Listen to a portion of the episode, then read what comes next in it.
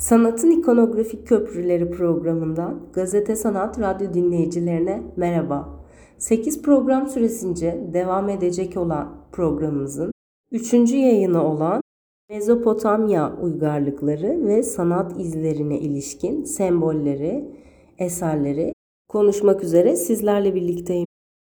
Bildiğiniz gibi Anadolu uygarlık sanatının yaşamsal ve kutsal olarak kabul gören, her alanda kimi zamansa da efsane ve mitler aracılığıyla kitaplar dışı anlatımlarda en çok da sembolik aktarımlarla geçmişten günümüze bilişsel ve soyut bir kavram iken form alıp, biçim kazanıp somutlaştığını aktardığımız öğelerden ve sembollerden bahsetmiştik.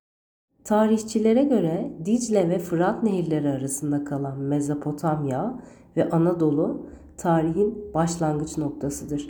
Mezopotamya uygarlıklarının başlıcaları ise Sümer, Babil ve Asur uygarlıklarıdır. Hemen Sümer heykel sanatından bahsedelim. Sümer heykelleri konularını genellikle krallardan, kentlerden, ve halkın önde gelen kişilerinden almaktadır. Yüzlerinde iri gözleri, incecik dudakları ama en çok da kartal gagasına benzeyen burunları, kıvırcık ve gür sakalları vardır. Bunlar Sümer heykellerinin en belirgin özellikleridir.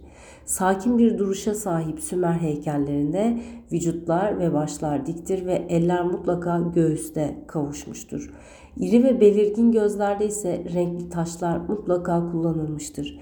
Bu heykellerin vücut formları aslında orantısızdır. Sanatçı baş, omuz, kol ve elleri kendisinden daha büyük olarak işleyebilmiştir.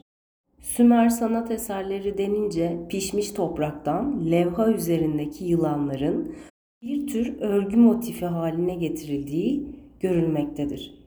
Bu şekil değiştirme bugün bizim kilimlerimizde, Anadolu halılarında rastladığımız semboller arasındadır. Yine Germenlerin göçler çağındaki hayvanlar süsleriyle de benzerlik taşımaktadır. Orta Asya'dan Avrupa'ya geçen bitki sapları, sarmaşık yapraklar, çiçekler, güller ve palmiyelerin geometrik stilizasyon süslemeleri aslında Ön Asya ile birlikte günümüze kadar ulaşmıştır. Tüm bu bahsettiğim semboller sanat eserleri aracılığıyla aslında en çok da tapınmaya ilişkin eser ve tasvirlerde yer almaktadır. Sümerliler denince hiç şüphesiz ilk akla gelen yazıyı insanlığa hediye eden uygarlık olduklarıdır. Dolayısıyla biraz da tarihi ve ilk yazılı edebiyat alanında eserler veren bu kavmin Gılgamış Destanı ve Tufan hikayesinden bahsetmek istiyorum. Yaratılış, Gılgamış Destanı ve Tufan hikayesi tarihin en eski yazılı destanları olup 12 kil tablete akat çivi yazısıyla yazılmıştır. Ölümsüzlüğünü arayışının öyküsünü anlatan Gılgamış Destanı ve Nuh Tufanı en eski şekliyle hepimizin bildiği gibi Gılgamış'ın en yakın dostunun ölümsüzlüğünü ölümüyle arama çabasına ve arayışına girmesiyle başlar. Etkileri, yankılar uyandıran bu eser yüzlerce yıllık tarihi geçmişine rağmen Gılgamış destanı olarak günümüze ulaşabilmiştir. Yine Sümerliler denince güneş saatini icat etmiş olmaları ve varsayımın ötesindeki gelişmiş bir medeniyet olduklarını kanıtlamaktadır.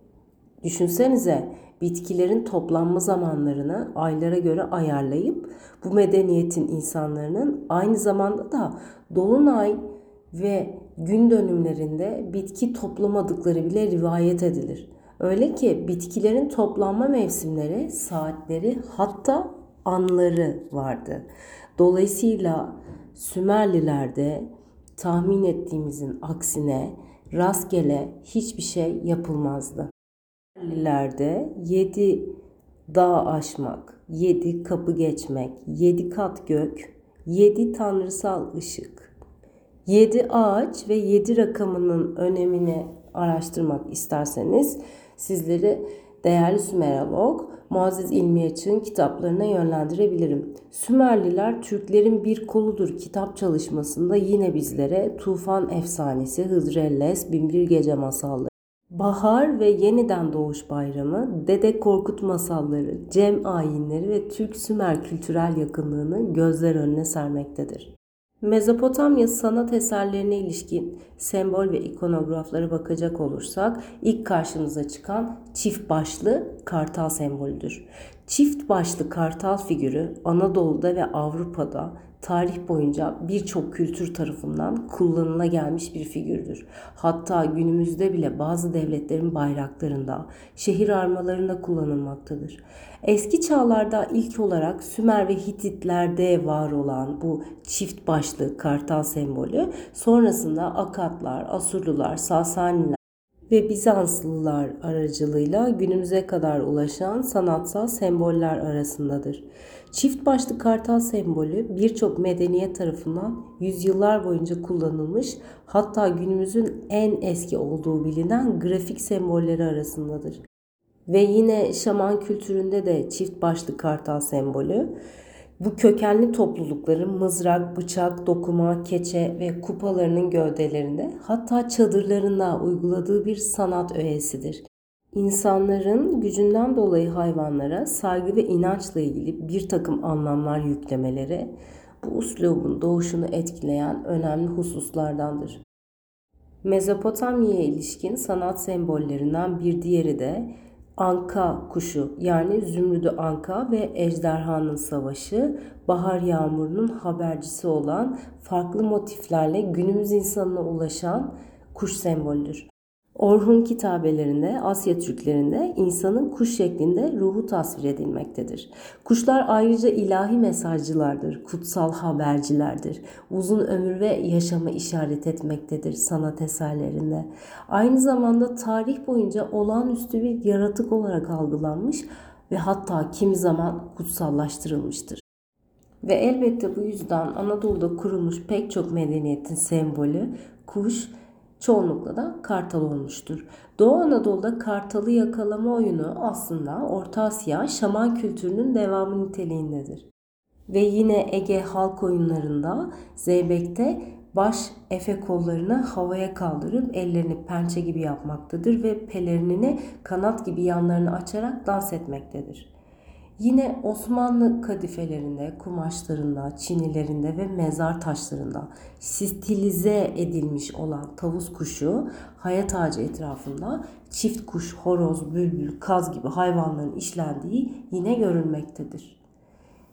Yatak örtüsü, minder örtüsü, namaz örtüsü, çeyizlik örneklerde de yine benzer kuş motiflerine rastlamaktayız.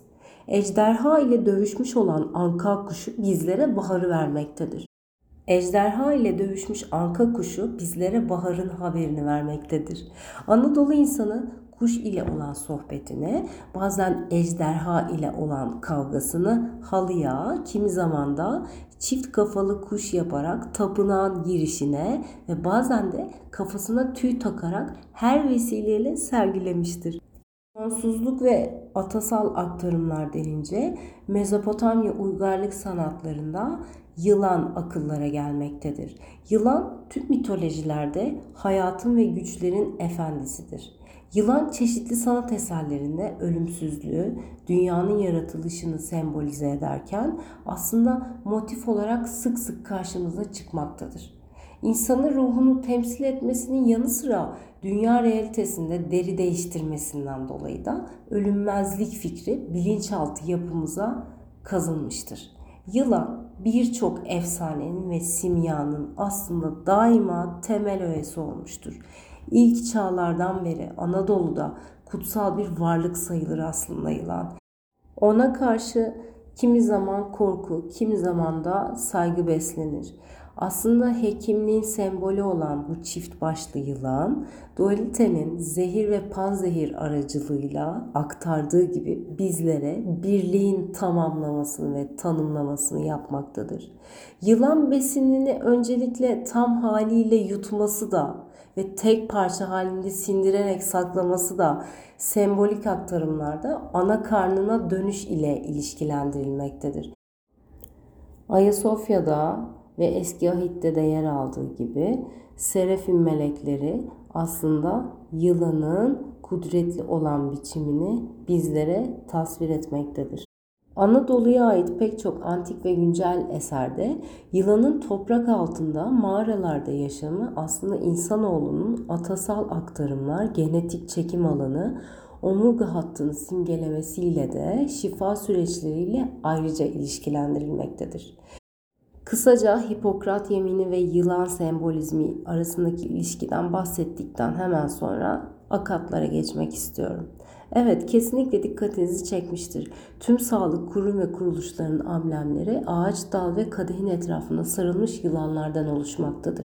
Yılan ve ağacın birlikte sembolize edilmesinin temelleri Yunan mitolojisine dayanır. Öyle ki antik çağlardan beri kutsal olarak kabul edilen ve hemen her inanışta kendilerine yer bulan ağaç kimi zaman asa ve yılan metaforu ve hayatı yenilemenin aslında bir tür temsilidir. Efsanelere göre başlangıçta şifa dağıtması için yılandan medet umulurmuş. Hekimlerin Hipokrat yemininde aslında tıpkı bir yılan gibi sessizlikle hastalarının sırlarını asla kimseye söyleyemeyecekleri gördükleri gibi yeminin temellerini bile etkilemiştir. Evet, şimdi dikili taşlar denince akıllara gelen akatlardan bahsetmek istiyorum.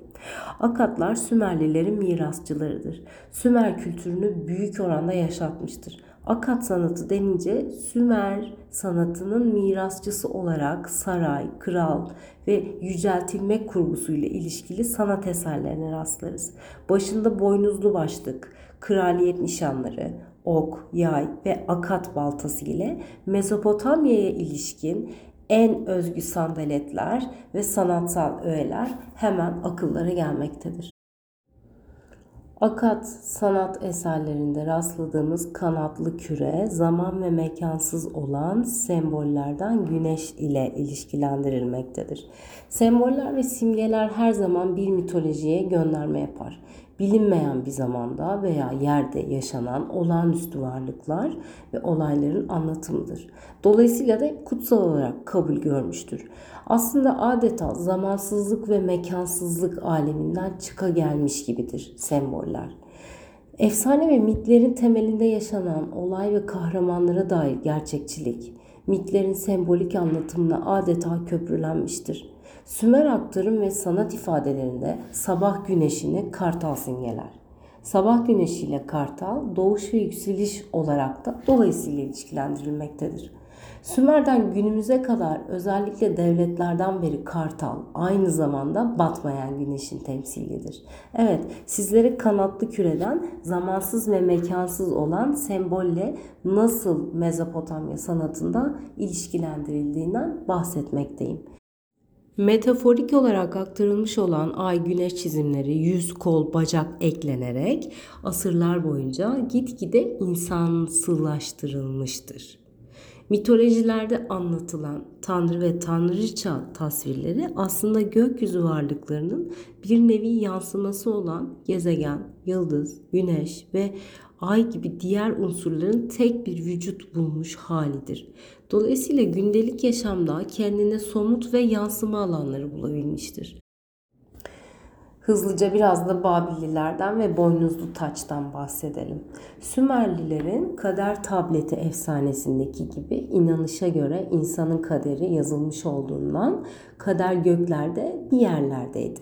İnsan doğarken gökteki yeri de dolayısıyla saptanabilirdi. Hiç şüphesiz burada günümüzün astroloji bilimine de gönderme yapmaktayım. İnsan doğarken kader tableti de göklerdeki yerini buluyordu Sümerlilere göre. Böylece insanın doğumu ve gökyüzünün durumu elbette birbiriyle ilişkilendirilmekteydi. Mezopotamya sanatı denince en çok rastladığımız balık ve güvercinden de bahsetmek istiyorum. Çünkü bana göre balık ve güvercin birçok insanın gerçek anlamını pek de bilmediği semboller arasındadır. Balık sembolü Türk kozmolojisinde gök gürültüsü olan doğa olayının hayvan biçimi timsalidir. Nehir kıyılarında yaşayan Türk topluluklarında bereket, refah ve bolluk timsali iken toplumsal yuva, aile kavramı olan evlilikte de üremenin simgesidir. Babilliler döneminde de yine benzer şekilde Nemrut ve Kraliçe Semiramis arasındaki benzer sembolik tasviri rastlıyoruz aslında. Anadolu av kültüründe de sanatsal olarak resmedilen figürlerde en çok tek ve çift olarak yer alan balık sembolizmi sayısız yumurtaları nedeniyle temsil edilmektedir. Anadolu'da olduğu gibi Mezopotamya sanatında da balık daima sevilerek tasvir edilmektedir. Ve yine Hristiyanlıkta balık İsa'nın, Hazreti İsa'nın sembolüdür ve İsa Mesih olarak seçilmiştir. Ve bu durum tam olarak balıkla ve güvercinle sembolize edilmektedir. Balık saldırgan ve tanrı tanımazların arasındayken Hristiyanların arasında kullandıkları bir tür gizli işarete bile dönüşmüştür. Sembol erken Hristiyan dünyasında 4. yüzyılın sonuna kadar sıkça ortaya çıkmıştır ve sembolle ilgili diğer pek çok açılım daha elbette mevcuttur.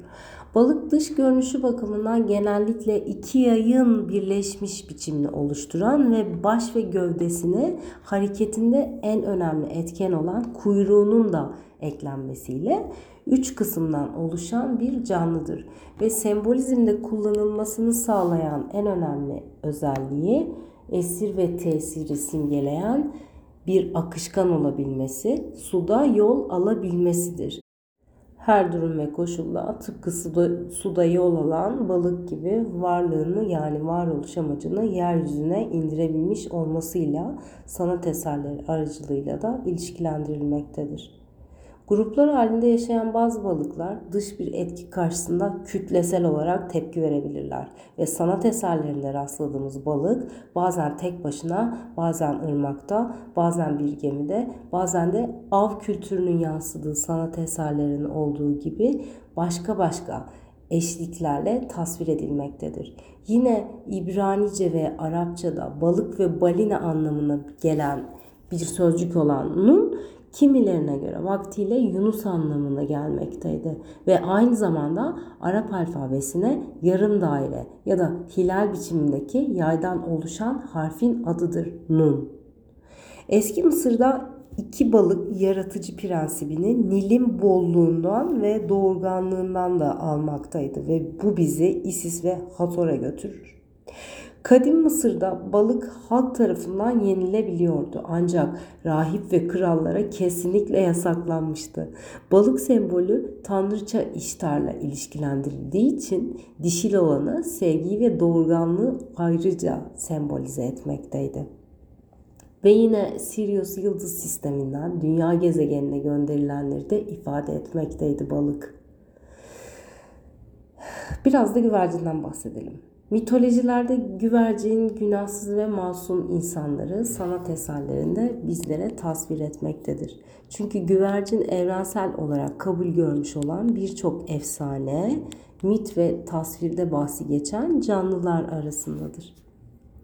Günümüzden yaklaşık 5000 yıl önce evcilleştirilmiş ve ilk olarak sosyal yaşamda var olan değerli, çoğu zaman da kutsal olarak atfedilen hayvanlar arasındadır. Türk halkının güvercinlere karşı sevgisinin açık ispatı niteliğindedir aslında söylediklerim. Günümüzde nesli tükenen bu kadar çok hayvan türü olmasına rağmen güvercin sayılarının her geçen gün artıyor olmasının nedeni bence çok ilginç. en çok da insanoğlu tarafından barışın ve bereketin ve huzurun sembolü olarak kabul edilmesi güvercin neslini güvence altına almaktadır. Sanat eserlerinde rastladığımız güvercin dini amaçlarla haberci, kutsal kuş olarak tanımlanmıştır. Örneğin Asya'daki sanat eserlerinde ve mimari eserlerinde ev güvercini M.Ö. 3000 yılından beri tasvir edildiği bilinmektedir. Antik çağ mimarisinde de inşa edilen yapılarda, heykellerde, süslemelerde güvercin figürüne sıklıkla rastlamaktayız. Roma döneminden kalma ve altından yapılmış iki küpe güvercin şeklindeki figür tarihsel dönem eserlerinde pek çok kez işlenen ve konuşulan figürler arasındadır. Güvercin kimi zaman beyaz renginden dolayı da konuşula gelmiştir ve tercih edilmiştir elbette. Ama antik Mısır'da güvercinlerin dört bir yana doğru uçurulmasının nedeni topluma müjde getirileceğini inanılan bir ritüelden kaynaklanmasıdır. Güvercin mitolojide halk tarafından saygı duyulan ve Venüs'e adanmış bir kuştur aslında. Osmanlı sanat eserleri ve mimari sanat eserlerinde rastladığımız kuşhanelerdeki güvercin merakı ve sevgisi bunun bir diğer ispatı olabilir. İnsansı özelliklere göre de yakın bir kuş olarak tasvir edilmesinin bir diğer sebebi hala günümüz insanında inandığı gibi ölürken gövdesinden başlayarak ayaklarından yükseleceğine inanılan insan ruhunu güvercinle de temsil etmiş olmasıyla elbette yakından ilişkilidir. Bana verilen sürenin sonuna bugünlük gelmiş bulunmaktayım. Bir sonraki programda Asur Mezopotamya sanat izlerine dair buluşmak üzere. Herkese mutlu günler diliyorum. Hoşçakalınız.